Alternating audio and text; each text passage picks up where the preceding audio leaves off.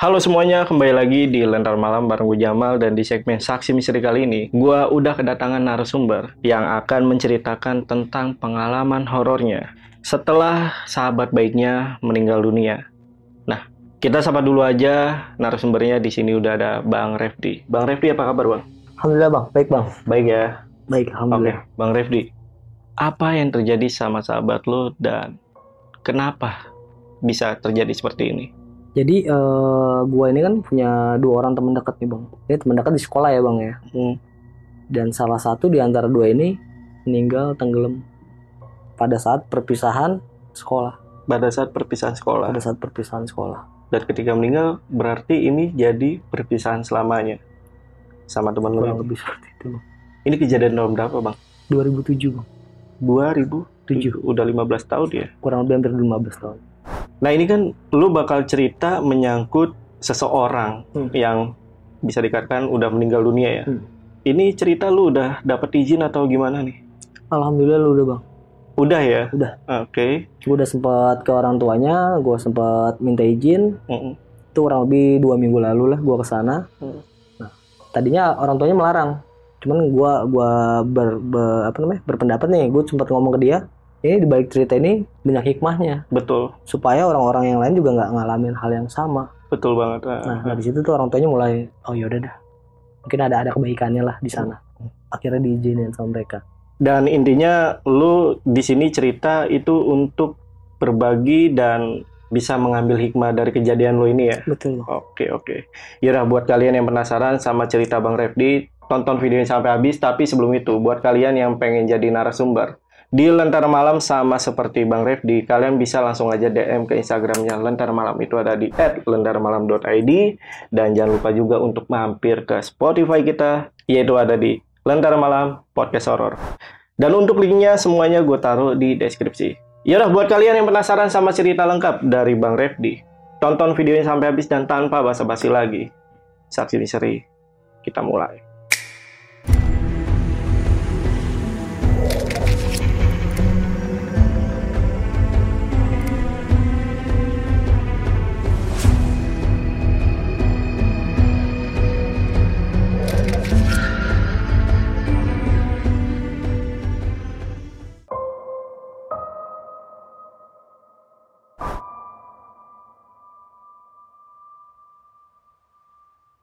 Jadi kejadian ini nih eh, terjadi pada tahun 2007 bang, yang di mana sekolahan gue mengadakan uh, acara kelulusan di salah satu pantai yang berada di daerah Banten. Mm. Agak spoiler dikit nih, jadi di sekolahan gue ini kan eh, cuma ada dua jurusan bang, untuk eh, SMK-nya ya tingkat SMK. Ada dua jurusan, dia hanya ada akuntansi sama apa ya, ad- administrasi perkantoran. Oke. Mm-mm. Yang di mana nih kelas gue nih AK kurang lebih tuh siswanya tuh ada 32 33 lah ya kurang lebih. Nah, gue di kelas itu tuh cuma dekat sama dua orang nih jatuhnya, yaitu si Midun sama si Ujang. Karena ada banyak faktor yang eh, memang sama banget nih sama gue nih, kayak segi ekonomi kelas dasar lah bang ya, Mhm. hitungannya ekonomi sama otak nih. Jadi gua bertiga ini bisa dibilang agak lemot ya buat nangkep pelajaran. Nah, karena yang lain pada sok pinter, sok kaya, kebanyakan soknya lah bang. Jadi makanya gua berusaha buat ya udahlah kita jadi yang introvert aja lah kita berdua nih, kaum marginal istilahnya ya. Di situ gue deket banget sih. Nggak cuman di sekolah doang ya, walaupun gue berbeda kampung sama mereka, gue sering main ke rumahnya mereka. Sering gantian sih intinya, kayak gue diajak nongkrong di tempatnya si Ujang, tempatnya si Midun. Mereka pun gantian, gue ajak ke tempat gue, nginep di tempat gue. Udah deket banget bang pokoknya. Jadi dari kelas 1 sampai kelas 3 tuh ya entah kenapa ya memang gue deketnya cuma sama mereka-mereka orang ini. Hmm. Sama yang lain deket juga, cuman nggak terlalu terbuka. Jadi kayak ada jarak lah ya istilahnya. Nah akhirnya balik lagi nih bang. Kita berangkat tuh kurang lebih jam 8. Kita berangkat kurang lebih jam 8. Nah dalam perjalanan tuh ya have fun semua seperti pada umumnya lah ya. Sampai pada satu ketika itu kurang lebih hampir 15 sampai 2 15 menit lagi nyampe ke tujuan ban mau ban ban mobilnya meledak bang jatuhnya Meledak. meledak Oke. dan di situ ya udah goyang kayak gimana tau lah ya mobil ya ya akhirnya untungnya alhamdulillahnya masih dikasih selamat dan si supir tuh bisa bawanya Hmm. nah akhirnya stop ganti ban dulu kan Jadi karena memang bis yang gue tumpangi ini dia nggak ada fasilitas kamar mandinya, nggak kayak sekarang mungkin ya bis ada ada toiletnya. Nah mau nggak mau kan ya kita nahan kalau selama mobil nggak ngeres ya kita nahan ya kan sampai ke tujuan. Nah posisi pas ban mobil pecah, gue bertiga turun dan teman-teman gue beberapa turun nyari spot nih bang. Berusaha untuk nyari spot, si Ujang eh, ngomong nih, tuh di pohon itu aja. Jadi jarak dari gua berdiri itu dekat mobil nggak jauh jarak sekitar 25 meter lah itu ada salah satu pohon gede nah memang gue lihat oh iya nih cuman kalau gue pribadi ngeliat kayaknya ada something nih. Pohon aneh soalnya. Nggak biasa dari yang lain. Kayak dilihatnya aneh aja bang. Jadi dibilang kayak agak pohon besar tua ya kayaknya udah pohon-pohon udah berumur. Kalau gua kan memang mungkin dari kecil ya udah udah terlalu dibius sama mistis-mistis kayak gitu bang ya. Suges lah gua. Udahlah janganlah tahan aja dulu lah. Nanti daripada ada kenapa-kenapa ya kan. Nah si Midun pun sama. Udah udah jangan jangan jangan. Apalagi dia orangnya parno nih bang si Midun. Udah jangan jangan. Nah karena si Ujang kekeh dia tetep nih maksa. Ah udah bodo amat. Lari lah dia ke balik pohon itu. Yang di mana akhirnya selesai lah dia buang air kecil juga di situ akhirnya bang. Ya udah selesai dari situ. Eh, nggak lama pun mobil kembali normal dong. Bannya udah diganti udah selesai. Kita balik lagi ke mobil lanjutkan perjalanan. Nah dari sini nih eh, pas di awal perjalanan itu kita belum nyampe pantai kan ya. Kita baru start jalan. Ekspresinya si Ujang ini langsung berbeda bang. Setelah kencing di pohon kencing itu. di pohon itu. Nah gue juga sempat kaget kan. Nah bocah tadi periang ya kan. Banyak ngomong maksudnya ngobrol sama gua sama si Midun. Jadi tiba-tiba jadi kayak orang pasif jadi diem aja kan. Kita mikirnya apa nih orang ngantuk ya kan? Apa memang dia mabuk perjalanan ya kan? Kalau mabuk perjalanan kayaknya minim juga kemungkinannya bang. Karena posisi dari rumah eh, dari sekolah ke tempat itu udah lumayan jauh juga kan. Kalau memang mabuk harusnya di, di pertengahan juga udah mabuk kan. Iya. nah ya udah gue pikir ya mungkin kecapean kali ya bocah apa masuk angin kan. Ya udah di situ gue nggak gubris gue kira nggak ada masalah apa-apa. Lanjutlah perjalanan sampai kita di eh, pantai di mana sekolah udah booking di situ. Udah udah udah ke tujuan lah intinya. Kita udah sampai ke tujuan istirahat sebentar tuh kurang lebih sampai tujuan tuh jam setengah satu. Jam setengah satu siang kita sampai ke tujuan istirahat segala macam makan siang barulah mulai acara. Jadi dari pihak sekolah tuh eh, ngadain acara juga bang di sana bang. Jadi kita nggak cuma sekedar datang senang-senang bareng selesai. Jadi dia ada acara kayak eh, penyampaian pesan dan kesan karena mungkin sekolahan gue masih terbilang baru ya. Mereka juga butuh banyak masukan. Pesan dan pesan tukar kado segala macam ya kan. Kelar lah itu acara sekitar habis asar jadi start itu kalau nggak salah jam 2 lewat lah. Kelar habis asar. Nah setelah asar itu datanglah jam bebas bang. Jam bebas. Jadi di mana lo yang mau punya duit mau belanja ya belanja. Hmm. intinya nanti jam 6 balik ke mobil kata pihak sekolah. Ya akhirnya kita ngobrol di tempat aja ya kan. Ngobrol. Nah cuman dari dari pas acara itu pun gue udah ngeliat gelagat aneh nih dari si Ujang bang jadi di acara pun ya orang pada senang ya walaupun kita nggak terlalu deket-deket banget sama temen yang lain paling nggak membaur fun lah dia istilahnya. Dia enggak dia masih pasif aja bang. Ya bicara seperlunya. Jadi dia tuh bicara ya kalau ditanya dia jawab. Kalau enggak ya enggak udah dia diem. Sedangkan tipe si Ujang ini orang yang doyan ngomong doyan ngobrol. Lu sempet tanyain gak sih? Lu kenapa, Jang? Udah, itu gue sempet tanyain. Itu gue tanyain eh, sebelum pas di acara juga gue tanyain. Gue sama Medun sempet tanya. Karena memang gue khawatir. Maksudnya kalau memang lu masuk angin, ya udah gue bantu krokin. Iya. Atau kalau memang lu pengen muntah, gue cariin obat, ya kan. Nah dia bilang nggak apa-apa bang. Cuman ekspresinya datar banget bang, flat. Kayak gue mikir kayak bukan dia. Nah akhirnya setelah itu kita ngobrol di dekat mobil bentar. Si Ujang yang dengan pasifnya dia ya nggak terlalu banyak ngomong. Jadi yang kebanyakan ngobrol tuh gue sama si Midun doang. Gue mikir nih orang kenapa sih ya? Ini orang ada apa gitu kan? Gue mikirnya sama si Midun. Ya mungkin lagi nggak enak badan kan gue mikirnya gitu kan. Cuma ditanya apa yang dia rasain, dia nggak pernah jawab. Nah, pada akhirnya kita ngobrolin basa-basi ya taruh lah berapa 15 menit 20 menit tiba-tiba si Ujung buka celana bang jadi kayak pakai boxer doang dia Iya.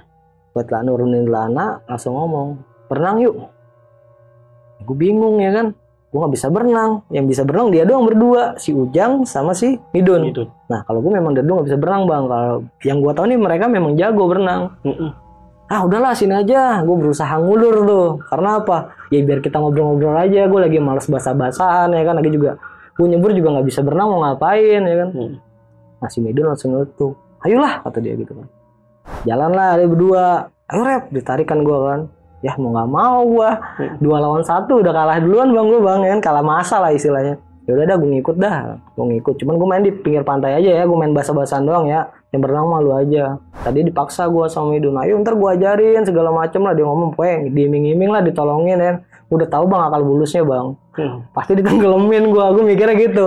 Ya namanya temen bang. Kalau temen sejati pasti kayak gitu gue yakin gitu banget ya. bener. di situ gue nggak mau udah nggak gue main di pinggir pantai aja gue lagi nggak enak badan gue gitu gue alasan aja kan. Nah akhirnya mereka jalan duluan tuh ke arah pantai gue di belakangnya. Di situ gue ngedenger percakapan tuh cuman samar. Kayak ngajakin taruhan. Si Midun nih ngajakin taruhan. Nah cuman di situ gue nggak denger jawaban. Gue nggak denger jawaban. Gue nggak tahu si Ujang ini mengiyakan atau enggak ya gue nggak tahu. Nah akhirnya udah sampai ke pantai kan dia nggak langsung berenang kan.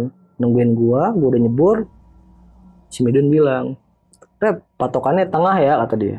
Jadi di tengah itu agak jauh dari bibir pantai itu kayak ada bambu bang. Hmm. jadi kayak ada bambu di tengah ini gue nggak ngerti sih fungsinya buat apa ya. Nah patokannya si Midun itu. Nah si Ujang senyum aja tuh. Ngangguk aja dia. Sebelum berenang dia ngomong ke gue si Midun. Rep lu lihat ya siapa yang duluan kata dia gitu. Ya udah iya gituin kan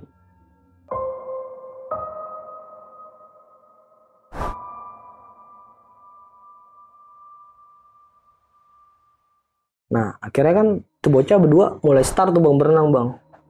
Ya karena jarak gua, ini bocah berenang start juga ke arah tuh bambu kan lumayan jauh. Ya gue bete daripada gua ngeliatin mereka doang, ya gue main karang lah. Pas gua lagi main karang, gue sempat nengok dulu tuh ke mereka. Gue lihat masih ada berdua lagi balapan. Yang di depan tuh gue ngeliat si Midun. Kira gue balik lagi main karang. Nah, itu gue nggak dengar suara bang. Tolong, tolong, gue kaget bang. Gue spontan langsung berbalik gue cek siapa yang minta tolong. Gue kira kan salah satu dari antara teman gue kan. Ternyata gue cek yang ada midun doang bang. Jadi pas gue lagi berbalik itu suara jelas tuh tolong tolong. Pas gue balik badan ngeliat ke arah mereka itu suara hilang. Terus yang gue lihat cuma si midun lagi ke arah gue jadi si ujang nggak ada. Berarti kan yang jadi pertanyaan si ujang ke mana Iya. itu kan? Ya gue nggak bisa konfirmasi kalau si Midun belum nyampe ke gue gue berusaha positif dulu. Karena nih si Ujang ini tipikal orang yang suka ngeprank bang. Jadi gue mikirnya ya namanya dia jago berenang bisa jadi dia berenang di dasar ntar tahu nimbul ya kan? Gue masih positif tuh. Ah gue bercanda kali ini kata gue akhirnya nyampe lah si Midun ke gue gue tanya tuh langsung si Ujang mana? Ada di belakang gue kata Midun Lalu tadi ngeliat di mana sebelum dia muter balik dari bambu itu tuh dia masih ngeliat si Ujang ada di belakangnya dia. Kata gua, nggak ada. Tadi gue liat nggak ada. Gue dengar suara minta tolong. Bercanda lu, kata dia gitu kan. Seriusan demi Allah gue gituin aja kan. Yaudah ntar juga nongol dia mah ngeprank doang orangnya. Gua Tungguin tuh bang, gue di situ masih berusaha positif thinking lah ya. Gue sama Medun tuh masih ah bocah bercanda nih ya kan itu kan cuman gue tungguin tuh hampir 7 menit kalau nggak salah tuh udah lumayan lama gue tungguin. Nggak nimbul nimbul bang. Ini bocah nggak nimbul nimbul di situ gue tanya lagi kan ke si Midun Dun bocah mana? Dan di situ tuh dia mulai takut tuh bang. Dia mulai panik tuh. Apa tadi jangan-jangan yang minta tolong? atau dia gitu. Kan tadi gue udah bilang gue gitu nah cuman ya karena ini bocah biasa ngeprank gue mikir masih bercanda lah ya. Ya akhirnya si Midun kekeh tuh bang dia ini gue cari kata dia gitu kan. Dia mau nyebur lagi. Dia mau nyari sendiri. Gue tarik di situ. Jangan jangan kata gue karena apa? Satu hilang nih belum ibaratnya kita nggak tahu nih si Ujang ke mana. Hmm. kalau lu ngikut gue tinggal gue sendiri nih Iya, ya iya. kan? Istilahnya ya pasti yang jadiin segala macam gue yang tujuh segala macam kan. Udah kita laporan dulu ke guru. Ini teman gua rep. Teman gua juga Blay gue gituin kan. Ini teman gua juga kalau dia kenapa-napa gimana? kata si si Midun. Kata gua yaudah kita laporan dulu ke guru. Lari lah kita ke arah rombongan bang. Lari ke arah rombongan. Sampai di rombongan kita temuin guru. Jadi kan di sana kan ada beberapa guru yang stay kan. Sisanya kan pada belanja yang pada shopping. Pak Ujang hilang. Ketawa-ketawa tuh guru. Hilang di mana? Gimana bisa hilang? Kata Hmm. dia. Bercanda kirain kita ngeledek pak. Mungkin pemikiran tuh guru gini ah ini bocah udah mau lulus lulusan pakai ngerjain gua ya kan? Iya, iya. istilahnya ya Bener, mungkin bener. mau ngasih kejutan atau gimana kan?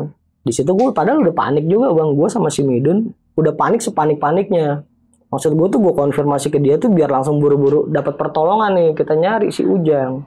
Di situ akhirnya gua gua apa namanya gua yakinkan seyakin yakinnya baru tuh mereka percaya. Ada kurang lebih 3 sampai 4 guru tuh baru nyari tuh sama gua. Balik lagi. Gue disuruh nunjukin di mana tempat eh, kejadiannya si Ujang hilang ini.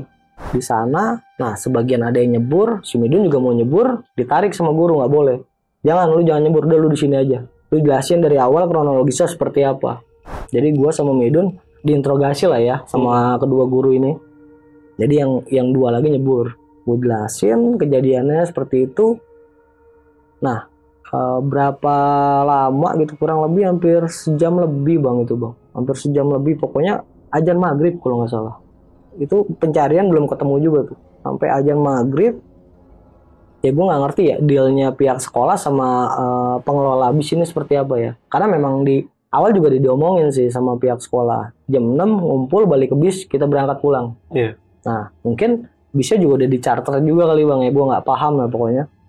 Yang di mana tuh akhirnya kita disuruh balik. Suruh pulang. kita disuruh balik nah di sana pas kita arah balik pun ada beberapa warga ya lumayan banyak sih bang. Tuh warga nyamperin. Nah jadi gue sebelum jalan sebelum jauh nih gue gue denger nih percakapan warga sama guru nih. Nah jadi si warga ini eh, penasaran ada apaan sih kok rame-rame ya kan? Ada yang hilang segala macam dijelasin. Mereka bantu nyari lah akhirnya. Nah mereka bantu nyari ya gue tetap dipaksa pulang kan akhirnya kan. Gue balik gue udah berusaha ngumpet bang sama Midun bang maksud gue gue pengen eh, dapat informasi yang valid gue pengen tahu terus nih kabar si Ujang gimana. Gue nggak mau balik intinya kayak gitu. Karena ini temen gue jatuhnya bisa dibilang temen deket banget bang. Oh, lu ngumpet, lu nggak balik ke base. iya gue jatuhnya kayak Berusaha, iya. iya berusaha buat ngumpet. Nah ternyata dicari sama guru. Ketemu. ketemu gua gua ketemu juga. Akhirnya gue dekat dekat situ tuh kayak ada pohon lah ya gitu ya. Gue coba ngumpet nih eh kita stay dulu aja di sini kata gue ini temen gua kata gue gitu kan ya akhirnya jadi di bis itu di absen lagi bang. Iya. di absen lagi siapa aja siapa aja. Nah gua berdua nggak ada. Dicari lagi mereka nggak berangkat kan. Kira ketemu gua lah tarik gua masuk ke bis. Ya dengan rasa penuh kecewa ya bang ya. Gue pengen ada maksud gue gue pengen nolongin teman gua Hmm. gitu loh. Hmm. tapi pihak sekolah kenapa ngelarang ya kan ya.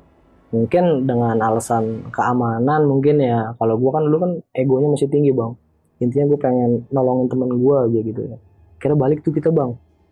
Kita balik. Nah di situ memang yang tadinya rombongan fun semua ya jadi pada hening bang. Jadi kayak orang Pasti. ngerasa kehilangan walaupun gak deket-deket banget ya sama yang lain ya. Terus ngerasa kayak ini ada apaan sih ya kan? Kok sampai begini ya kan? Jadi kayak ya pokoknya di, di bis itu yang tadinya rame itu pas kita berangkat pulang jadi hening. Jadi kayak pada sedih semua mikirin si Ujang kira balik di perjalanan tuh nggak ada apa-apa sampai ke sekolahan sekitar jam setengah sepuluh setengah sepuluh malam kalau nggak salah. Bisnya sampai ke sekolahan tuh Iya. setengah sepuluh malam.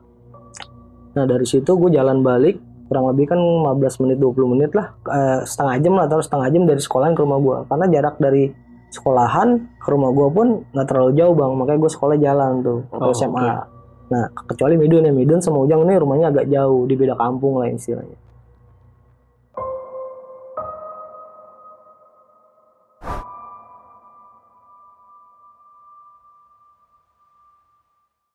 Nunggu balik sampai rumah. Ya namanya gue masih ngerasa kehilangan bang. Gue masih beban pikiran gue tuh masih berat. Si Ujang gimana kabarnya? Keadaannya gimana? Kata gue ya karena di situ gue nggak punya alat komunikasi bang ya. Eh, jadi di rumah itu yang punya alat komunikasi cuma bokap sama nyokap gue doang. Nah waktu itu gue kelas 3 SMA gue belum megang handphone. Hmm. gue Midun Ujang sama-sama low budget lah ya manusia-manusia low budget ya memang eh, nggak terlalu mikirin ke sana lah. Puber juga belum gue kenal cewek juga belum lah istilahnya. Sampai rumah ya karena muka gue raut muka gue udah kusut banget kan gue mikirin teman gue bokap lah negor. Di lu kenapa? tadi lu habis pulang jalan-jalan kenapa muka lu begitu? ya kan. Hmm. Dikira gue ada masalah? Gua ada masalah apaan? Di situ gue belum mau cerita bang. Intinya gue mau ngenakin badan dulu lah. Gue mau bebenah dulu lah. Karena pas dari habis main air tuh baju sampai dari basah sampai kering itu yang gue pakai bang. Gue nggak ganti baju sama sekali karena gue mikirin teman gue akhirnya gue mandi langsung segala macem. Kelar mandi tuh sekitar jam 10 lewat lah. Ngobrol tuh gue baru sama bokap. Ditanya lagi sama bokap gue lu kenapa? kata dia. Lu habis jalan-jalan muka lu begitu ya kan?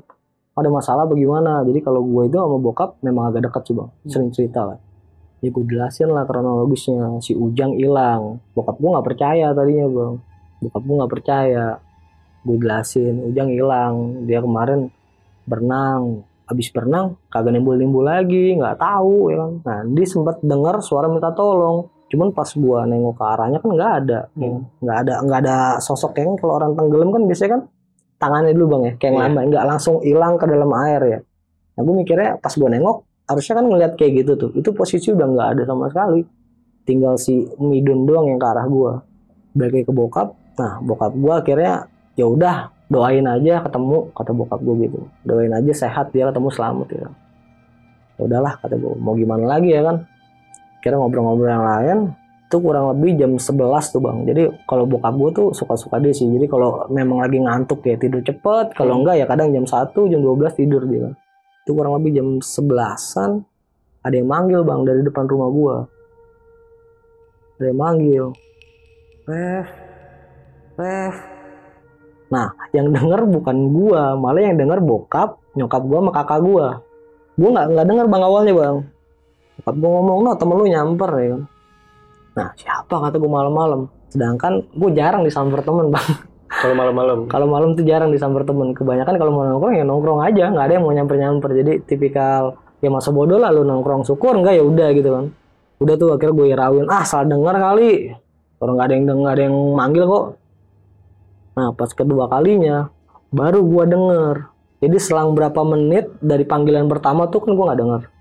Pas panggilan keduanya gua baru denger bang. Dan itu keluarga juga pada denger semua. No temen lu nungguin kali. Iya ya kata gua. Akhirnya udah gue bangun lah dia duduk. Gue jalan ke arah pintu kan. Nah itu suaranya masih ada bang. Ref. gitu. Nah yang gua bikin bingung nih bang, yang bikin gua agak panik ya. Gua kenal nih bang karakter suara siapa yang manggil gua ini. Nah karakter suaranya si Ujang. Hah?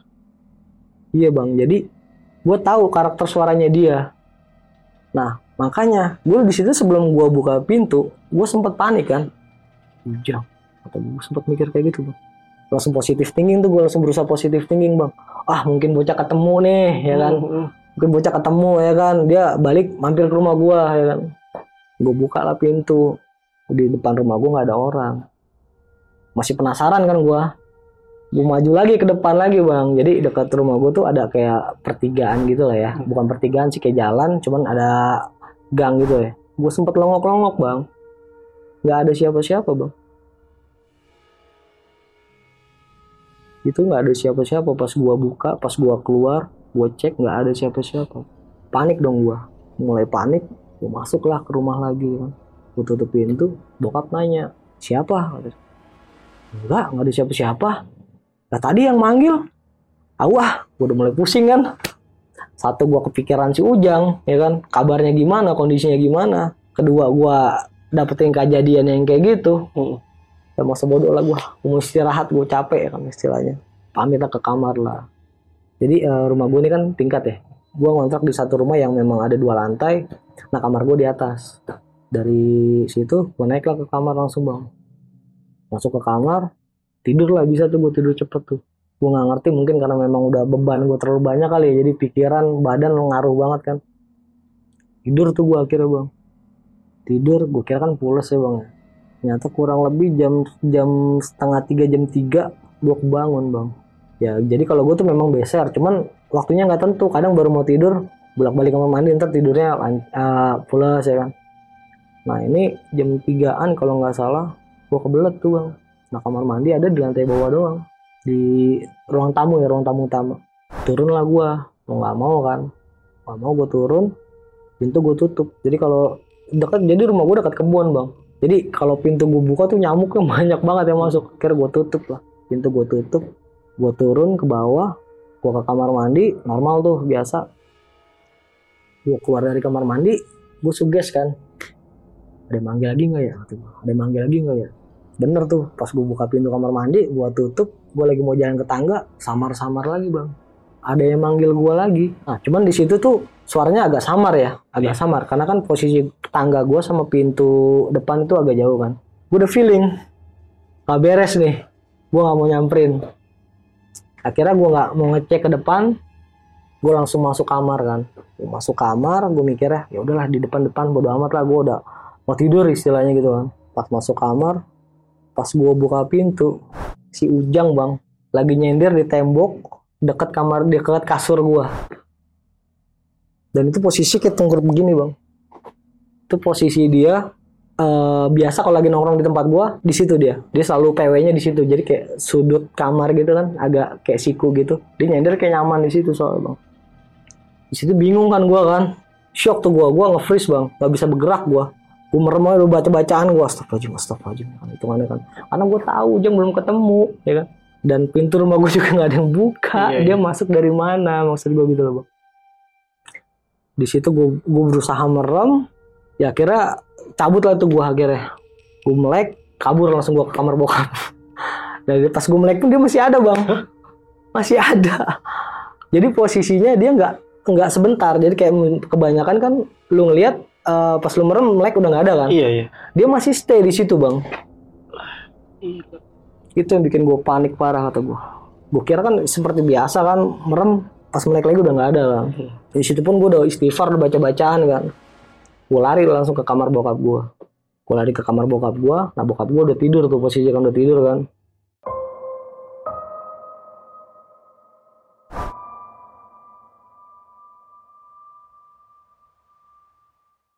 jadi kan eh, bokap gue kamar bokap gue tuh eh, ada kasur terus ada space buat di lantainya gitu ya kayak ada karpet lah istilahnya gue tidur di situ bang nah gue udah panik banget kan gue ambil bawa bantal bokap gue satu gue tutupin tuh muka gue tuh gue nggak mau tahu-tahu dia ada di samping gue atau di mana kan makanya gue tutupin tuh gue berusaha buat nggak mikirin lah hitungannya biar nggak ngeliat lagi lah jangan sampai lah gue mikirnya Lo nggak bangunin bokap lo? Enggak.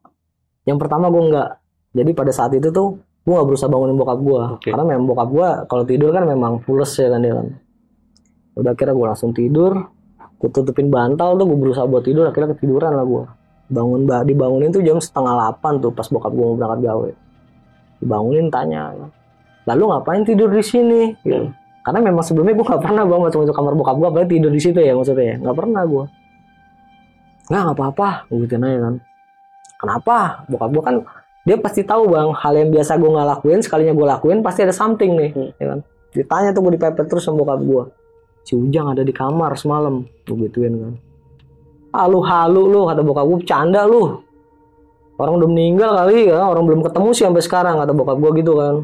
Ya gue mikir ya yang gue lihat ada mau gimana ya kan. Masa gue ngebohongin penglihatan gue sendiri kan udah doain butuh didoain kali dia atau bokap gue gitu kan biar cepet ketemu makanya lu sholat ya deh dulu kan gue memang ya agak susah lah bang ya disuruh sholatnya. Ya udah akhirnya gue sholat lah gue doain. Pas bokap mau berangkat tuh telepon dari soko dari sekolahan. Jadi kalau kalau pihak sekolah tuh kalau mau uh, ngasih informasi ke gue telepon. Karena siswa di yang ada di sekolahan itu rumahnya jauh-jauh nih dari rumah gue bang. Itu telepon ke bokap gue disuruh datang ke sekolahan habis juhur. Bokap gue nyampein dong ke gue sebelum berangkat. Di uh, pas sekolah lu nelfon nih. Suruh datang lu ntar sono habis johor mau ada apaan sih? Kata bokap. Ya pan ditanyain doang kronologisnya gimana kemarin ya. Iya. gue mikir masih positif mah ya udah akhirnya uh, gue bantuin nyokap dulu tuh paginya ya kan. Sampai tiba di uh, jam 12 gue berangkat lah. Gue jalan kaki ke sana. Gue jalan kaki. Di situ tuh gue nggak ada pikiran macem-macem bang. Ya gue mikir cuman eh, pihak sekolah tuh cuman pengen tahu ceritanya sebenarnya kayak gimana. Hmm. ke sana doang gue mikirnya. Ya, karena memang gue pun nggak ngelakuin apa-apa kan. Jadi minim kemungkinan kalau gue disalahin lah. Gue datang ke sana pas nyampe mau dekat sekolah kaget gue si Midun dipanggil juga ternyata bang. Oke. temen gue ini si Midun nih eh, yang kan gue bertiga ini si Midun ini dipanggil juga sama pihak sekolah. Cuman posisinya si Midun belum masuk ke sekolah. Jadi masih nongkrong di depan warung sebat dulu lah ya itu kan. Nah gue kaget dong. Gue kira kan cuma satu orang doang yang dipanggil kan gue tanya. Lalu dipanggil juga Blay. Iya Blay ada apaan ya? kata dia ya mungkin ditanyain ke sayang kemarin kata gue kronologisnya seperti apa ya kan. Karena kan kemarin kita belum sempat diinterogasi secara eh, detail bang ya. Maksudnya kayak ya karena pada panik juga kan Hmm. abis sebat tuh si Midun tadinya udah udah mulai panik tuh bang. Ah gue gak usah masuk kali ya kata dia gitu. Ya lu dipanggil sih ya kan. Lu kan panggil sama gua ya kan. Ya paling enggak kalau dia omelin ya lu sama gua ya kan berdua ya kan. Istilahnya nggak cuma sendiri kan. Kira ya udahlah masuklah kita. Masuk bang masuk ke sekolahan ke ruang kepala sekolah. Baru masuk ke ruang kepala sekolah bang. Udah dikata-katain gue bang. Jadi di situ tuh ternyata ada orang tuanya si Ujang. Ibu sama bapaknya Ujang tuh udah stay di situ. Gue dimaki-maki parah bang. Ya gue belum belum sempet duduk ya. Gue udah masuk gue belum sempet duduk udah dikata-katain. Jadi mereka tuh berpikirnya tuh gue penyebab meninggalnya si Ujang. Lu nih. iya. Gue sama si Midun Oke. berdua eh. jadi ya karena memang pihak sekolah kan taunya gue mencar bertiga dikiranya gue yang eh, bikin si Ujang sampai meninggal kayak gitu kan sampai hilang kayak gitu kan. Gue udah berusaha jelasin tetep aja bang kayak namanya orang tua ya bang. Kalau ngerasa kehilangan anaknya ya Gelap jadi kayak mata, gitu ya iya. gelap mata ya. Iya. gue sempat mau dipukul juga sama Iya. bokapnya. Kata gue sampai di kepala sekolah bangun dipisahin pak nggak kayak gini pak nggak kayak gini pak. Pokoknya intinya dilerai sama kepala sekolah. Gue disuruh ngejelasin ulang kronologisnya seperti apa gue jelasin lah seperti ya memang apa adanya ya. Hmm. seperti yang kejadiannya itu. Gue jelasin tetep nih orang tuanya nggak terima. Orang tuanya seolah-olah tuh kayak nggak percaya bang.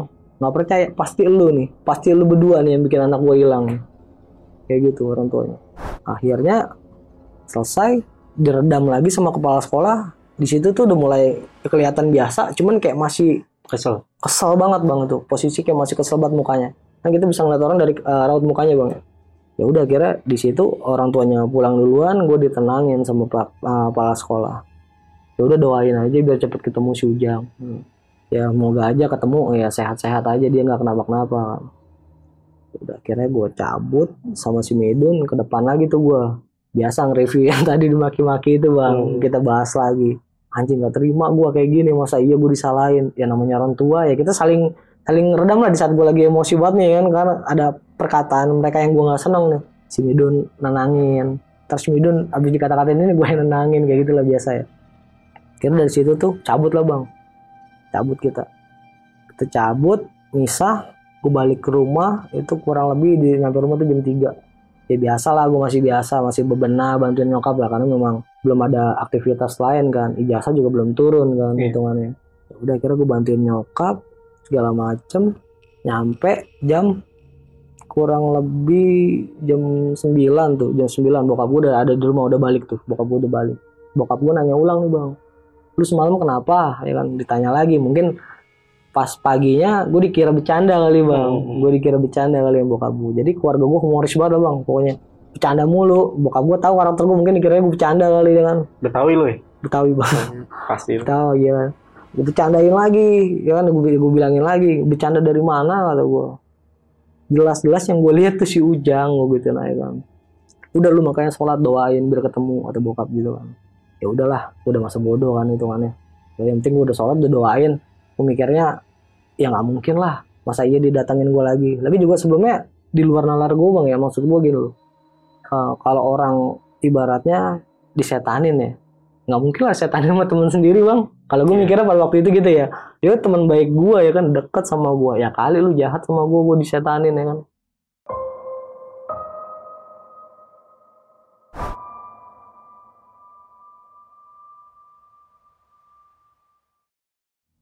Udah akhirnya gue balik masuk ke kamar tuh gue masuk ke kamar tidur tuh gue tidur cepet tuh gue bang. Tidur cepet bangun lagi subuh subuh sekitar jam setengah lima. Pokoknya pas eh, sebelum subuh kan ada intronya bang biasanya bang ya? Kasih Iya. intro. ada intronya ya kalau lagu ya pemanasan. Iya. ya. Nah itu gue bangun tuh. Kebelet bang air lagi gue sebelum keluar nih semalam kan gue nggak digangguin nih. Mm-mm. gue nggak denger apa-apa nih. Apa udah selesai nih ya kan? Gue semoga aja udah selesai nih kan? Gue mikirnya gitu kan. Ya udah nggak tenang juga gue bang maksudnya. Ngalamin kayak gitu kan baru itu juga gue ah udah mau subuh juga kata gue siapa sih setan yang mau yang mau keluar ya kan? Yang ada kan pada pulang kan ya kan pada masuk kan gue mikirnya. Gue masuk ke kamar mandi tuh. Nah di kedua ini pintu gue sedikit buka bang. Karena gue masih keingetan yang sebelumnya. Pintu gue tutup pas gue buka ada si Ujang kan. Hmm, nah ini pintu gue tutup separuh jadi pas gue masuk nih gue uh, pikiran gue sudut yang kemarin gue lihat Ujang nggak ada lagi. Pasti kelihatan ya kan? Oke. ya makanya gue masuk ke kamar mandi udah selesai di kamar mandi aman tuh. Nggak ada suara-suara lagi bang. Eh memang udah mau subuh mungkin ya gue mikirnya kayak gitu kan. Jalan lah gue naik lagi ke kamar gue pas gue nyampe depan kamar aman tuh bang. Di posisi yang kemarin gue lihat tuh si Ujang. Hmm. itu dia nggak ada di situ. ada. pas gue buka, buka pintu lebar dia tiduran di kasur gue bang.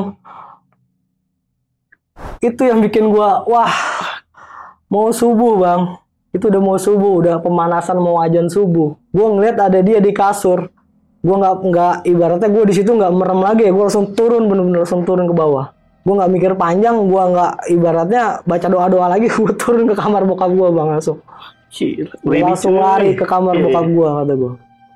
Gua lari ke kamar bokap gua dan kebetulan bokap gua udah bangun. Di hari kedua itu bokap gua udah bangun, Bang. Ya mungkin mau sholat subuh kali ya.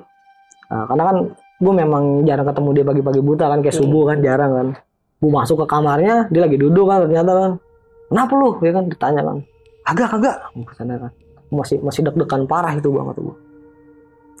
Lu kenapa kata dia kan.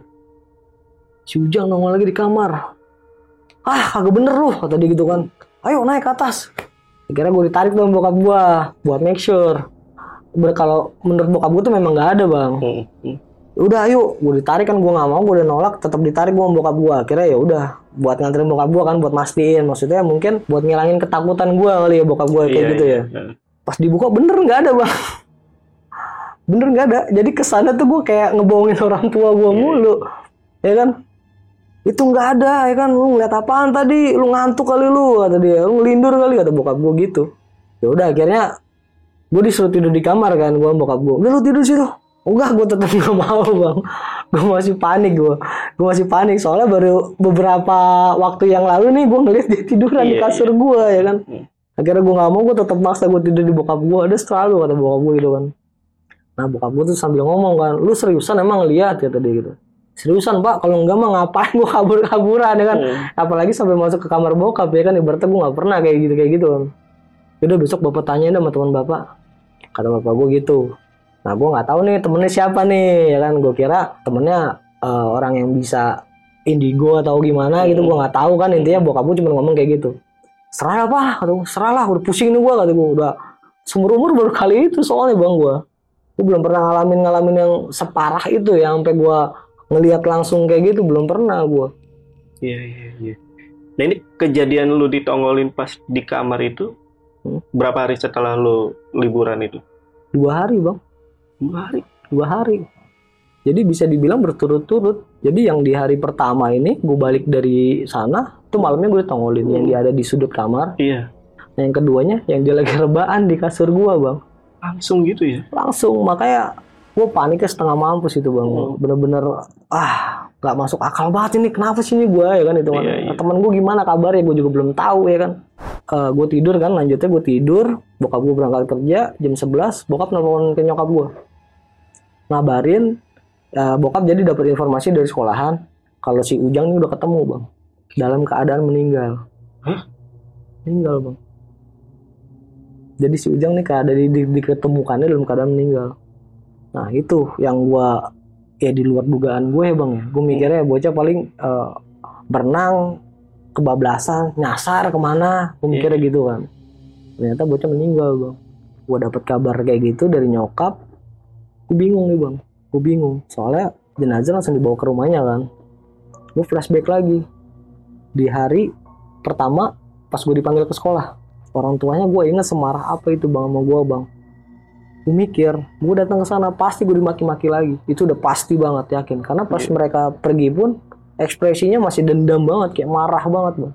Ya, akhirnya di situ tuh gue langsung berangkat bang. Gue langsung berangkat gue mikir dulu kan. Gue mikir ini gimana ya? Gue berangkat nggak ya akhirnya dah Bismillah aja bang. Karena apa? Gue mau ngeliat teman gue ya walaupun udah meninggal paling nggak gue tahu nih gue bisa ngeliat dia buat terakhir kali Hmm, hmm. maksud gue kayak gitu kan akhirnya gue cabut lah ke rumah teman gue dulu. Karena kan gue gak ada kendaraan nih gue gak ada motor motor dipakai bokap. Gue cabut ke tempat teman gue yang kuliah dan pada saat itu dia lagi libur kan kuliahnya gue pinjam motor inisiatif nih gue langsung. Gue nyari backing. Si Midun itu gue jemput bang jadi gue samper ke rumah Midun. Gue mikirnya gitu lagi bang. Gue nggak mau dimaki-maki sendirian. Iya, iya. gue samper si Midun. Nah si Midun ternyata udah tahu informasinya. Dia juga udah tahu. Jadi eh, teman sekolah gue salah satunya tuh ada yang dekat rumah dia. Mm, nah jadi walaupun dia minum informasi kayak alat eh, telekomunikasi dia masih dapat informasi dari temennya. Nah, gue sampai ke rumah Midun. Gue tanya Dun lu udah tahu ya? Udah belai kata dia. Terus gimana ya gue mau datang ini gue gituin aja. Sama gue juga mau datang dia juga teman gue kata dia. Dia mulai agak ngegas gitu ya karena mungkin rasa kehilangan kali bang ya. Iya. cuman apa lu nggak ingat kemarin pas kita ke sekolah orang tuanya kayak gimana? Gue gituin aja. Mulai ngedon tuh bang dia bang. Dia yang tadi semangat mau berangkat mulai ngedon ya kan. Sama kayak lu. sama kayak gue Iya. persis ya kan. Cuman kalau gue kan pas gue pedein ah Bismillah aja udah. Cuman kalau dia udah Bismillah aja tetap masih ngedon bang. Karena memang eh kasar bilang kasar kasar banget sih bang Iya, gitu ya. iya. bahasa itu kasar-kasar banget. Ya akhirnya ya udah pasang badan Blay. Pasang badan. Intinya tujuan kita ke sana baik kita mau ngelihat teman kita nih buat terakhir kalinya. Paling nggak kita ngejeng ngelihat sambil nganterin dia ke makamnya kan. Jadi Blay langsung ganti baju tuh dia. Ganti baju berangkat nih gua dari rumahnya Midun ke tempat si Ujang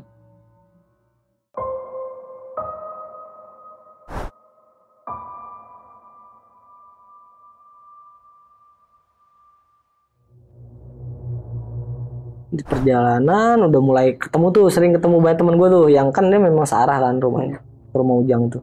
Wah rame juga nih bocah nih. Makin berat mental gue bang. Semakin rame yang ada di rumah itu semakin banyak yang nyaksin gue dimaki-maki. Gue udah mikir ke sana bang. Iya, iya. gue udah mikir ke sana. Karena memang ya masih dari yang sebelumnya gue nginget dari yang sebelumnya. Terus sampai ke sana rame tuh udah mulai rame. Temen gue udah pada ngumpul di sana ada beberapa guru juga nah cuman kebanyakan tuh kayak nggak ngirawin sih. Jadi langsung konsen ke si jenazahnya si Ujang. Ujang ini. Ya gue mikirnya mungkin lagi berkabung kali ya. Bokapnya jadi emosinya turun. Ya. nyokapnya juga gitu lah. Gue mikirnya. Udah ja eh, Don pede. Bismillah kata masuk ya nongol sapa dulu sama teman beberapa. Baru mau masuk ke dekat pintunya bang. Bokapnya langsung nunjuk-nunjuk bang bokapnya dia ngeh mungkin karena di depan tuh gue sempet ngobrol sama temen gue kedengeran suaranya. Langsung ditunjuk-tunjuk gue langsung diusir bang. Gue jadi diusir sama si Midun. Gue sampai minta tolong udah pak gue pengen ngeliat temen gue buat terakhir kalinya. Nggak dikasih bang. Bener-bener dimaki-maki gue di situ. Dan kali ini dugaan gue bener di keramaian gue dimaki-maki bang. Itu posisi tetangganya dia. Temen sekolah gue guru-guru kan lagi rame di situ. Iya, iya. Tuh abis-abisan gue dimaki-maki bang. Udah akhirnya ya diusir juga kan jatuhnya. Ya, aku cabut lah tuh berdua. Berarti lu belum sempet ngeliat jenazah nggak Ujang. sempet sama sekali bang. Gue tahu kondisi terakhirnya juga enggak cabut lah gue sama Midun. Karena di situ tuh kali ini nih gue bener-bener sakit hati banget bang. Hmm. gue di keramaian gue di, di, dipermalukan lah istilahnya dituduh matiin anak orang lah istilahnya. Dengan ego yang lagi tinggi tingginya cabut gue langsung. Cabut sama si Midun gue anterin Midun ke rumahnya di situ gue ngobrol panjang lebar lah sama dia lah. Yang tadinya kita ngutarin emosi segala macam anjir ya kali ya kan? Teman sendiri masa iya kita giniin ya kan? Kita cuma pengen lihat temen ya kan? Susahnya apa sih tinggal maafin doang? Lagi juga memang bukan karena kita meninggalnya kata kata si Midun seperti itu.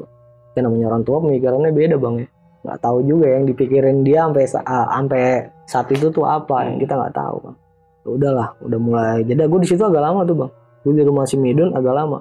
Satu momen mulailah gue nanya-nanya ke Midun tentang apa yang gue alamin. Teror yang gue dapet nih ya. Oke. yang dari gue ngelihat si Ujang ngedengar suaranya Ujang gue tanya lah ke Midun. Lu digangguin nggak? Begituin kan. Gangguin apaan sih Blay dia masih nutupin tuh bang. Ujang gue berapa kali ketemu dia? Di dat di kamar gua gue gituin. Ah bercanda aja lu Blay gue pokoknya gue pancing terus bang. Udah sampai akhirnya dia cerita nah dia ceritanya di, di ke guanya ya pada saat itu ya. Dia cerita kalau dia dimimpiin doang. Dia dimimpiin doang. dimimpiin doang. Hmm. dimimpiin sama si Ujang. Nah cuman si Ujang minta tolong bang. Nah jadi di mimpinya si Midun itu si Ujang minta tolong. Midun nggak ngerti maksudnya apa ya kan?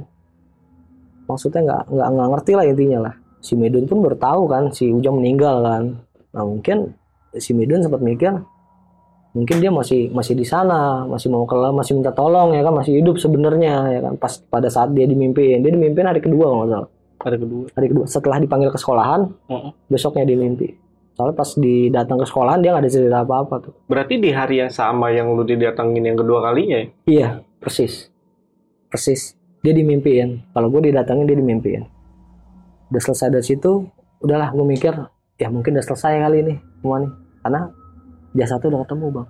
Mikir udah tenang lah. Namanya orang udah meninggal udah dikuburin ketemu lah mungkin ya udah udah tenang lah mungkin ya. Walaupun gue nggak bisa nganterin ke pemakamannya Mm. gue nggak bisa ngebantu uh, prosesi perkuburannya ya kan. Sama ngelihat ngelayatnya aja gue nggak nggak dikasih izin sama orang tuanya.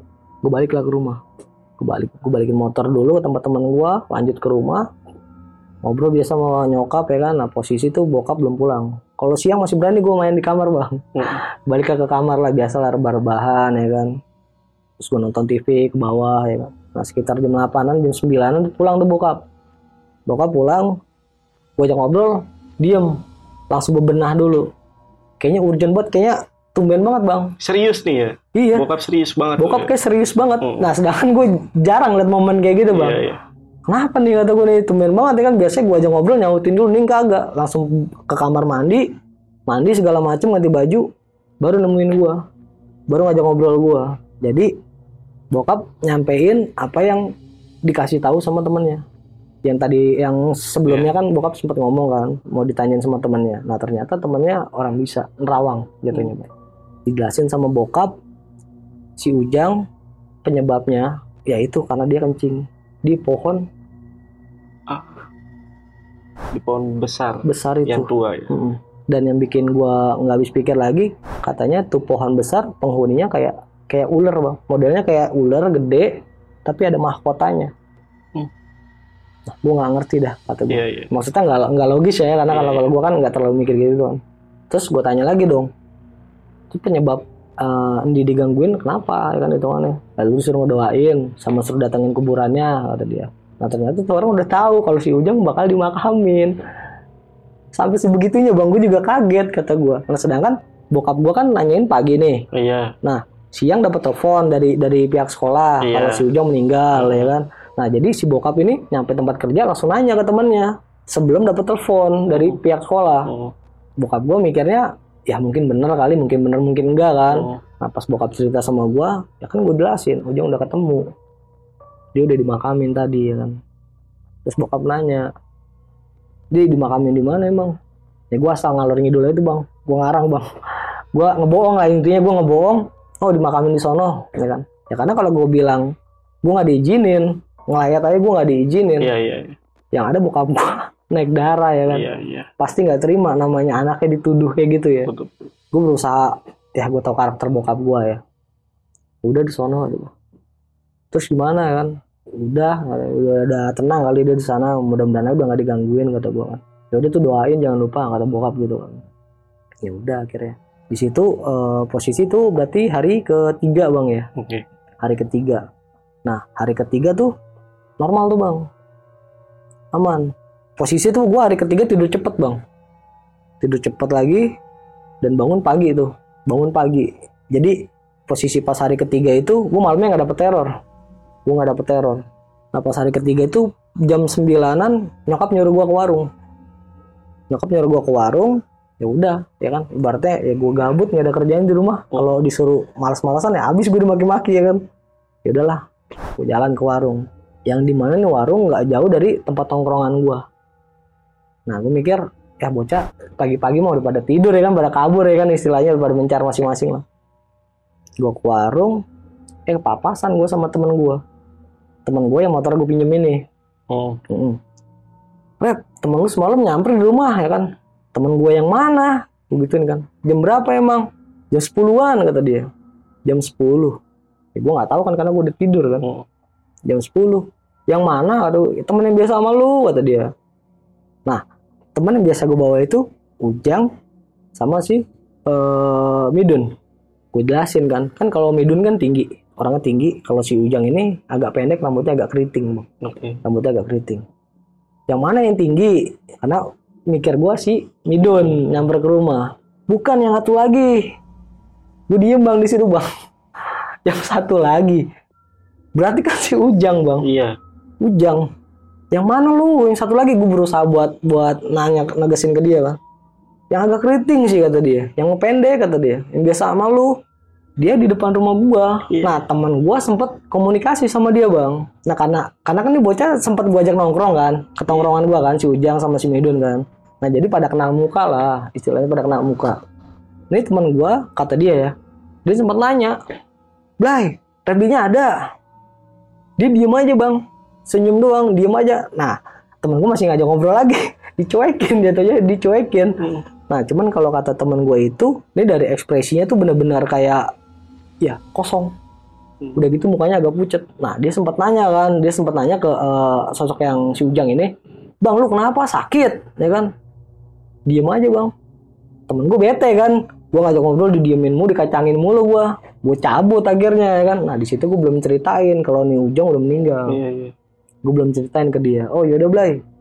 Langsung gue oh yaudah aja kan? Oh yaudah gue ke warung selesai dari warung gue mikir lagi nih kok masih ada bang Iya.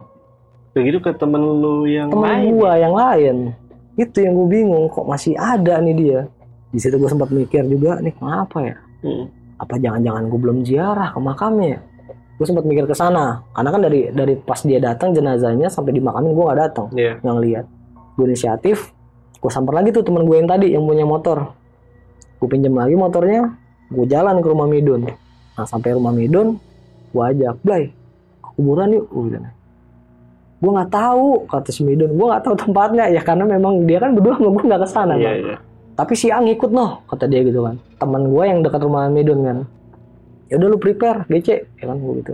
Ganti baju lagi segala macem berangkatlah gue ke rumah temen-temennya nanya-nanya ya kan Blay dimakamin di mana kemarin Ujang?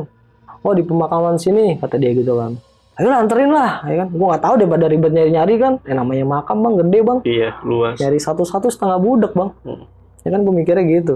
Dikasih petunjuk doang sama dia. Dari gerbang pokoknya lampu ketiga apa ke- ketiga lampu kayak lampu jalan gitu Hmm. PJU ketiga ada jalan lu ngambil kiri lurus saya dari situ. Gitu doang bang ngasih ngasih petunjuk ya.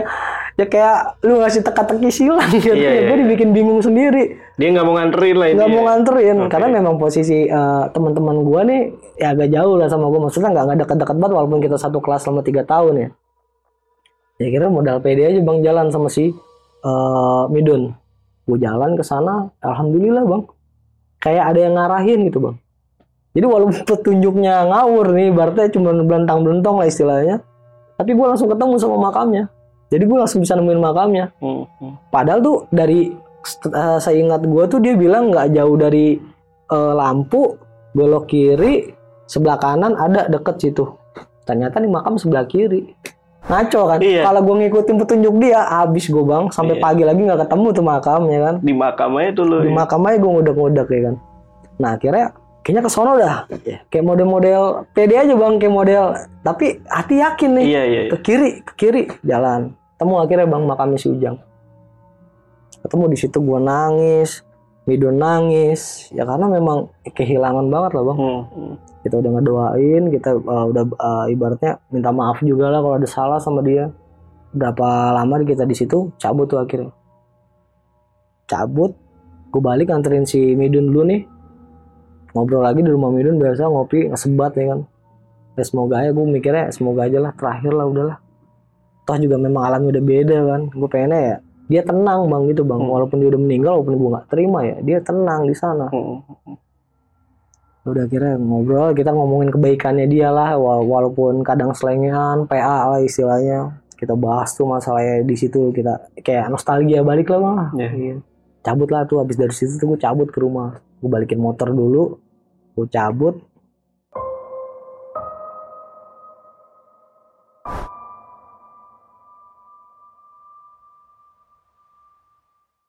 setelah eh, gua ziarah ke makamnya si Ujang itu alhamdulillah tuh bang. Beberapa hari tuh aman tuh bang. Gua nggak dimimpiin gua nggak ditongolin udah nggak ada suara-suara kayak gitu loh gitu. Hmm. gua udah berusaha berpikir ya alhamdulillah bocah udah tenang. Bocah udah udah tempatnya udah udah senang nih dia di sana nih kita Iya. mikirnya. Udah eh, terus tiba-tiba temen gua ngajakin mancing bang. Dadakan ya kan. Gue kan memang gak hobi mancing cuman gue masih masih keingetan aja nih keingetan sama si Ujang kan. Masih masih pokoknya walaupun gue udah nggak diteror tapi kayak ngerasa kehilangan tuh masih Iya. berat banget bang. Ya refreshing lah gue lah. Atau gue mikirin dia mulu nih berat banget gue kehilangan. Gue udah ajakin mancing. Mancing lah kita ke salah satu danau tuh di daerah Tangerang Cipondoh lah ya. Daerah danau Cipondoh. Iya, ya gue kan nggak nggak mikir ada apa-apa ya bang. Ya udah gitu kan tengah hari bolong bang. Yang Hmm. siang-siang ya kan nggak mikir ada hal-hal apa gitu yang bakal terjadi. Pokoknya kita mancing ya mancing aja. Intinya gue mau refresh otak lah. Walaupun gue nggak suka dengan kegiatan ini ya kan. Kira kita mancing gue berempat dua motor pokoknya. Posisi pada saat itu dua motor gue mancing nih bang. Normal tuh biasa. Nah cuman karena karakter tiga temen gue ini kalau mancing tuh dia fokus bang. Serius kayak orang mikirin beban hidup Iya, gitu iya, bang. nungguin. Iya lah gue nggak biasa mancing, gue biasa ngobrol. Ya, gue bingung mau ngapain, ya kan? Ya udah kira gue bengong aja ngeliatin pancingan ngikut mereka ya kan. Gue bengong ngeliatin pancingan, ya kan nggak ada yang narik narik nih bang. Tiba-tiba di di, di dengan gue keadaan ya ibaratnya dibilang sadar ya sadar ya, cuma bengong bang, bengong. Itu gue ngeliat kayak air kelepek-kelepek bang, kayak ada tangan dari air. Itu yang gue lihat. Jadi kelepek-kelepek jadi kayak tangan masuk ke dalam air Hmm. gue panik kan gue spontan kan gue tunjuk-tunjuk ke teman gue karena gue langsung keingetan si Ujang tenggelam ya kan. Bray tolongin Bray tolongin Bray padahal gue nggak tahu siapa yang nyebur ke situ. Yang jalan ke situ pun nggak ada. Kan udah di air bang Iya, gitu iya. kan udah air kan? Iya. Eh, langsung ke dalam. Dia nggak nggak kayak yang di mungkin sebelah pojoknya orang bisa jalan dulu tuh. Di pinggirnya kan langsung dalam kan. Dijorokin gue sama temen gue PA kali lu air tenang begitu apaan? kata dia gitu kan. Itu ble gue ngeliat tangan tadi masuk ke dalam. Gue gituin. Temen gue gak ada yang percaya bang gue di situ pokoknya panik gue gue yakinin lagi.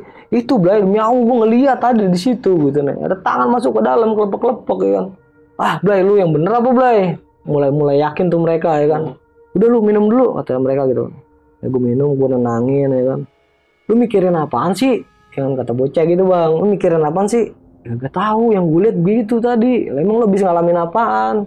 Barulah di situ gue terbuka sama teman gue tentang si Ujang ini yang meninggal sebelumnya tuh gue nongkrong pun gue nggak cerita bang karena ya gue cerita aja nih ya, sama kayak gue ngorek lagi nih gue udah udah berusaha move on lah ya istilahnya Iya, lah ya berusaha ngelupain walaupun dia teman baik gue gue doain cuman kok kejadian yang diulas lagi ya kayak sakit gitu bang maksudnya kayak Keinget lagi. Ingat lagi gue. Iya. Gue ceritain lagi ke teman gue ya kan ini. Ah udah gak beres nih balik-balik. Temen gue langsung panik di situ bang. Udah lu balik-balik. Ya nih gue disuruh balik nih sama sama satu temen gue nih. Hmm. Jadi temen gue satu juga memang gak hobi mancing, cuman ikut-ikutan aja. Cuman kalau dia ya bisa ngikutin alur mereka. Oke. Baliklah gue ke rumah. Anjir, sampai kayak gini banget ya kata gue. Ini ada apaan sih ya kan hitungannya kan? Maksud gue, kok jadi ke terngiang-ngiang dia mulu walaupun gue udah berusaha isi kesibukan ya bang Hmm. udah tuh akhirnya eh gue berusaha play play lamaran lah ya setelah itu maksud gue biar ada kegiatan gue biar mungkin kalau udah ada kegiatan yang formal ya nggak bakal lagi kejadian kayak gitu keingetan kayak gitu ya kan. Lamar lah gue kerja. Terima tuh bang. Gue keterima kerja di salah satu butik lah. Butik waktu itu gue kerja di butik. Gue kerja kalau nggak salah kurang lebih hampir enam bulan. Nah selama enam bulan tuh aman aman bang. Gue nggak diganggu. Gue nggak ngalamin apa-apa. Hmm. tuh aman. Setelah enam bulan gue cabut gue cabut ya ngerasa jenuh juga bang. Kerja begitu gitu doang monoton banget kalau menurut gue ya. Monoton gue cabut. Dua hari gue dari cabut kerja itu temen gue ngajakin jalan-jalan. Temen tongkrongan ya temen tongkrongan. Ngajakin gue jalan-jalan ke mana? Udah ngikut aja kita ngecamp kata dia. Ya gue mikirnya ngecamp kan kalau nggak di bukit ya di gunung bang. Iya. itu mindset gue ya kan. Udah yuk kata gue ngumpul di mana? Di rumah si A di rumah teman gue yang satu. Ya udah gue prepare dulu gue prepare bawa baju bawa tas segala macam pas gue sampai sana ya banyak orang yang gak gue kenal bang. Temen tongkrongan gue taruh lah masih bisa kehitung jari. Sisanya pada bawa temen lagi bawa temen lagi bawa temen lagi. Kebanyakan bawa temen kuliahnya. Ya gue bete gue mau membaur sama siapa. Mereka pasti sibuk sama dunianya mereka masing-masing kan. Nah gue langsung spontan keingetan Midun. Midun karena setahu gue tuh dia belum gawe bang. Hmm. Midun. Midun belum gawe. Blay gue ngajak temennya. Ya udah ajak aja kata dia nah karena waktu itu memang uh, motor lebih kan jatuhnya kan jadi tadinya tuh berangkat pada bawa satu-satu pas di tempat teman gue ya banyak yang nganggur kan berangkatnya jadi berdua-berdua kan gue pakai lah satu motor teman gue gue jemput si Midun tadinya gue ajak nolak dia bang gue ajak nolak kalau sana gak punya duit ya karena memang belum gawe Iya. kan ya. ya dengan sombongnya gue ya maksud gue ya habis kerja pasti punya duit lah bang ya Iya. Gua dari sombong lah nih. iya pokoknya pokoknya gue harus sombong pokoknya gue harus sombong di situ Blay, tenang aja tuh. Makan rokok gua, gua jamin semua ya kan itu kan ya. Karena memang duit waktu itu kan memang cewek nggak punya bang, ya kan. Ngasih orang tua seberapa sih paling pegangan gue masih banyak ya kan. Udah tenang aja gue jamin ya kan. Dia nggak kelaparan lu intinya di sana. Mana duit lu? Gak percaya dia bang. Gua kasih lihat kan waktu itu kan ATM kan belum pakai ATM tuh gua masih di dompet kan duitnya cash kan gajinya. Ayo semangat tuh dia langsung bang. Melihat duit pede karena apa? Terjamin nih gua nih, gua Iya. terjamin nih. Udah tuh berangkat akhirnya gua ke tempat teman gua lagi sama si Midun. Berangkat tuh gua. Posisi tuh akhirnya berangkat tuh sekitar jam 11 malaman tuh bang. Malam itu. Gue mikirnya lu jalan malam-malam biar apa sih? Ya mungkin alasannya polisi kali bang ya. Mm. Pada saat itu kan pada SIM masih belum pada bikin kan. Jalan malam-malam ya. Udah akhirnya kita jalan. Gue nggak tahu arahnya tuh bang. Gue ngintilin aja di belakang. Ngerombongan aja kan gue berdua sama Midun. Gue ngintilin aja. Terus sampai ke Tangerang. Kok gue udah nyium-nyium ke arah pantai bang. Maksud gue ini kayak gue pernah ke sini cuman ke arah Tanjung Pasir. Kan Tanjung Pasir? Iya. jalur itu gue inget bang katanya bocah mau ngecamp kok kemari kata gue ya kan gue salib teman gue lalu mau ngecamp di mana sih ya kan gue bilang di pantai rep kata gue bodo amat gue mikirnya ke gunung kalau nggak ke bukit bang Iya.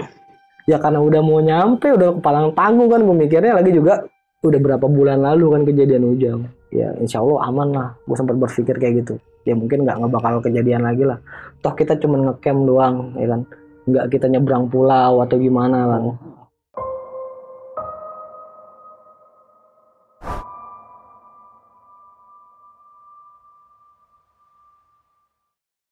lanjut jalan sampai bener tuh masuk ke eh, pintu masuk parkir ini eh, Tanjung Pasir.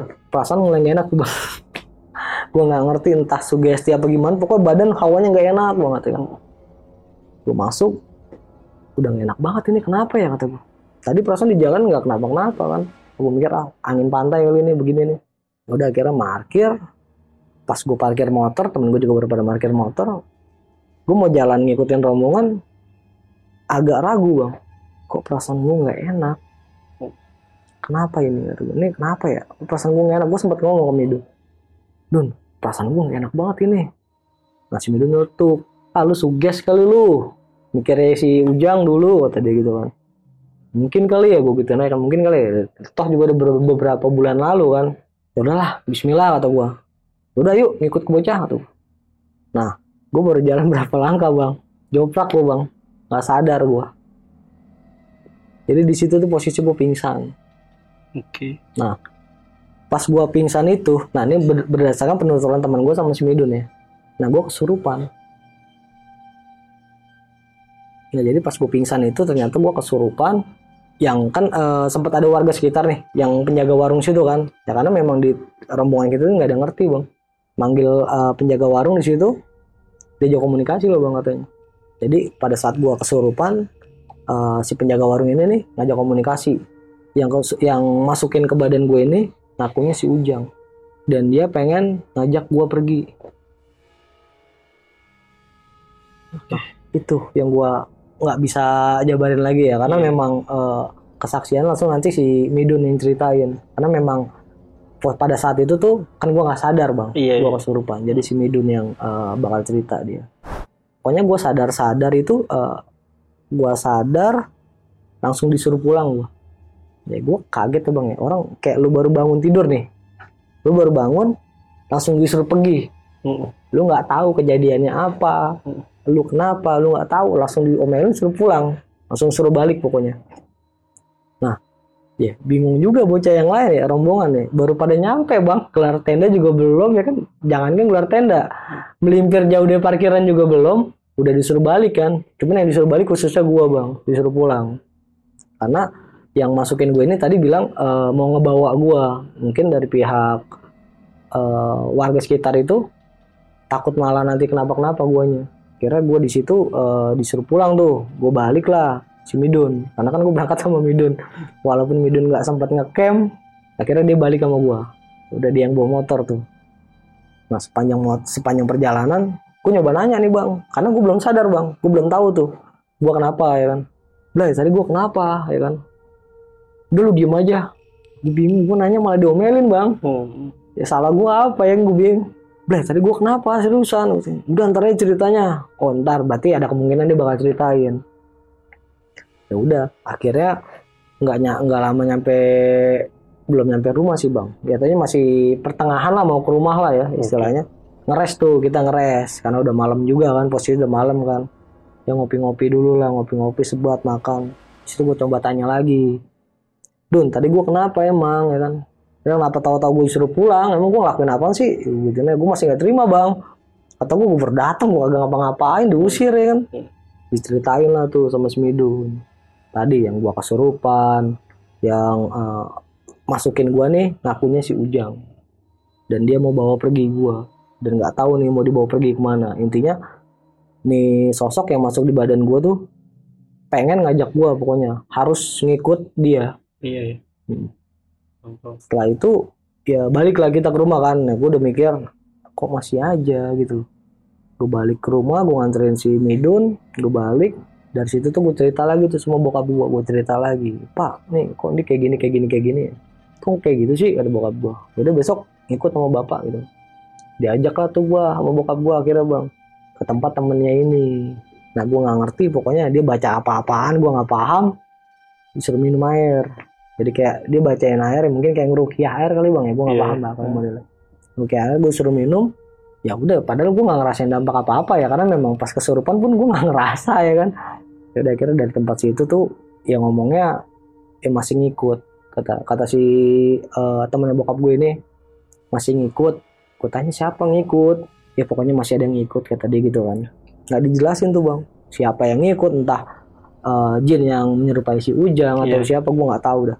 Udah intinya eh, sholat. Sholat yang benar kata dia. Sholat aja yang benar buat penjagaan kata dia.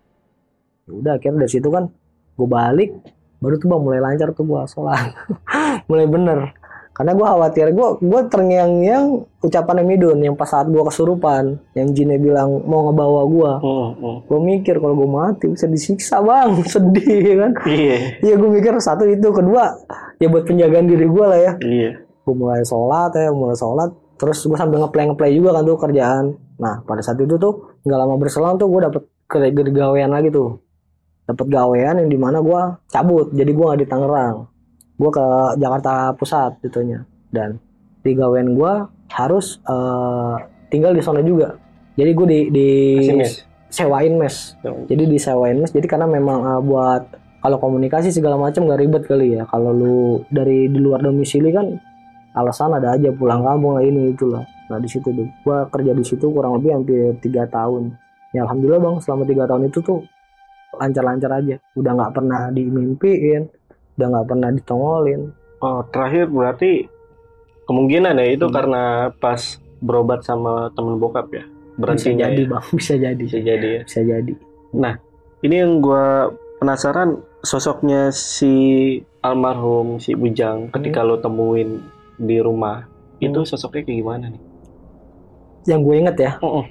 persis seperti pas dia mau berenang nah celana pendeknya gue nggak ngeh tuh bang. Oke. yang gua ngeh bajunya dia putih. Dia kan pas mau berenang kan pakai baju putih di belakangnya kayak ada tulisan gitu. Yang gua lihat pas po gua tahu itu tuh pas posisi dia lagi di kasur gua.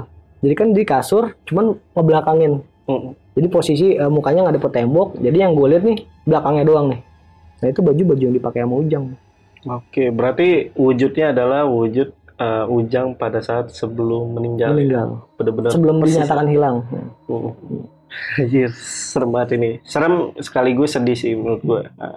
karena ini benar-benar lu teman baik ya bertiga ya. deket banget sih bang Deket banget ya. jatuhnya karena memang oh walaupun ya dibilang teman baik teman baik cuman dia lebih lebih banyak ngobrol nih kalau sharing lebih terbuka sama si Midun Mm. kalau sama gue ya, ya kayak kita ngumpul ya solid mah solid cuman kalau ada masalah yang terlalu rahasia nih Mm.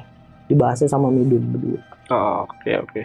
Tapi sebenarnya kesimpulan dari gua, ini menurut gua ya, menurut pandangan gua kenapa lu masih di teror atau digentayangin sama sosok almarhumnya si Ujang. yang Ini lu karena mungkin ya, entah lu bener apa enggak, lu belum ikhlas dengan kepergian dia. walaupun lu udah apa namanya dia berusaha move on nyari udah kesibukan. berusaha move on udah ziarah. Mm-mm. tadi kan sebenarnya lu juga udah berpendapat mungkin ketika lu ziarah selesai. selesai nih Hmm. tapi ternyata enggak kan? Masih berlanjut. Masih berlanjut. Tapi bener gak sih lu belum ikhlas pada saat itu? Dalam hati kecil lu ya banget bang. Banget. Jadi memang gue ngerasa kehilangan banget bang. Ini temen temen gue bisa dibilang ya kita susah-susah bareng benar-benar susah bareng. Mm-mm. Ya walaupun cuma ketemu di sekolahan ya, ya Iya. ada beberapa momen kayak malam minggu nih gue nginep di rumah dia dia nginep di rumah gue kalau Hmm. kita nginep di rumah Midun Mm-mm. selalu kayak gitu sedekat itu lah ya maksudnya kayak Mm-mm. dia gue aja ke tongkrongan gue gue diajak ke tongkrongan dia Mm-mm. udah udah udah dekat banget lah intinya Iya, iya. Tapi bener itu ya, lu belum ikhlas ya. bener sih, Tapi kalau sekarang udah ikhlas kan nih? Ya, alhamdulillah sih bang Udah ya. Ya, tapi masih sering keingetan sih bang masih sering keingetan ya kalau saat ini gue kalau misalnya keingetan dia ya kirim doa aja sih bang paling Oh, mungkin keinget pas cerita kayak gini nih. Ini lu keinget lagi ya? pasti Pasti ya. makanya sebelumnya juga gue agak berat sih bang buat cerita kata gue gue juga Iya, iya. ngomong ke temen gue ceritain gak ya ceritain gak ya Hmm. ya udahlah karena gue mikirnya banyak hikmah yang bisa dipetik dari dari cerita kejadian ini lah ya. Hmm. gue mikirnya ke sana sih Bahkan sebenarnya di belakang layar nih kita udah nyusun jadwal tapi nggak pernah ketemu ya. Ini mungkin karena lu belum siap ya. Satu itu bang kedua agak lagi sok sibuk aja So bang. sibuk. lagi sok sibuk aja kita Oke, ini kan udah berapa tahun ya berlalu ya berarti ya? 2007 berarti hampir 23 ya 23 tahun nggak nyampe lah Enggak, enggak, enggak. 13 tahun ya 2007, 2015, 15, 15 tahun. tahun, Ini kan nah, 2022 ya. Hmm. Nah, ini 15 tahun sampai sekarang bokapnya Ujang masih belum terima lu atau gimana? Kalau untuk bokapnya Ujang nah sebelum gue cerita ini juga kan gue minta izin bang Oke. gue sempat minta izin Oke. Nah. posisi tuh gue ketemu sama bokapnya tuh udah dua kali sih dari sebelum minta izin ini sama satu lagi lebaran 2000 berapa gitu bang 2010 2011 gitu Oh, oh, gue sempat datang ke sana kan karena memang sebelumnya juga hubungan kita baik-baik aja bang oh, oh. Ya gue berusaha. Nah di situ tuh bokapnya udah berusaha ikhlas sih bang. Oh, udah ikhlas. udah ikhlas intinya. Udah. Dia dia pun minta maaf ke gua. Dia pun minta maaf ke gua dan nanyain kabarnya si Midun. Jadi waktu ke sana tuh gue sendiri. Oh, sendiri. sendiri. Nggak jiper dulu ya? modal pede bang. Modal pede ya. karena kan eh, cabut ke Jakarta ya you know lah ya pergaulan Jakarta lah ya. Pede nih gua pede nih gua. Oh. masuk ke rumahnya ya walaupun deg-degan juga bang pasti ya. Kebetulan pas di rumahnya itu lagi ada bokapnya. lah.